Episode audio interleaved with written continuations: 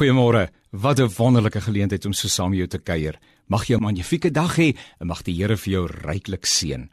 Ons lewe in 'n tyd waarin daar dikwels verwys word op die noodsaak van herlewing. Nou dis baie interessant dat mense allerlei terme gebruik sonder om die ware betekenis daarvan te verstaan.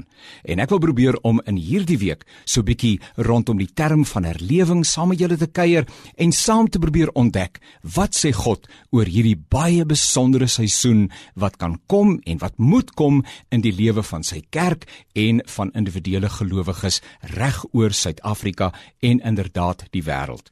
Mense gebruik terme en gee hulle eie inhoud daaraan. Ek kom agter dat wanneer mense oor herlewing praat, daar allerlei interessante verwagtinge is rondom hierdie saak. My verstaan van herlewing is dat dit 'n ingrypende en 'n aangrypende seisoen in die lewe van gemeentes, die kerk en individue is. O, herlewing is vir my gevoel ver verwyderd van herlewingsdienste wat op 'n kunsmatige wyse probeer om lewe in 'n gemeente in te blaas.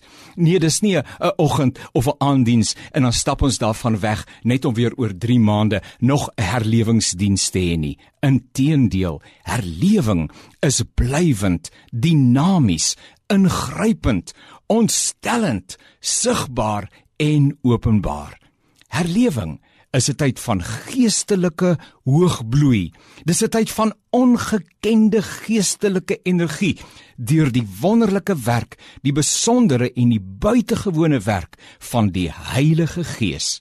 Herlewing is niks anders as 'n herontdekking van God in al sy majesteit, liefde en omgee nie, maar ook in sy ongekompromiteerde heiligheid.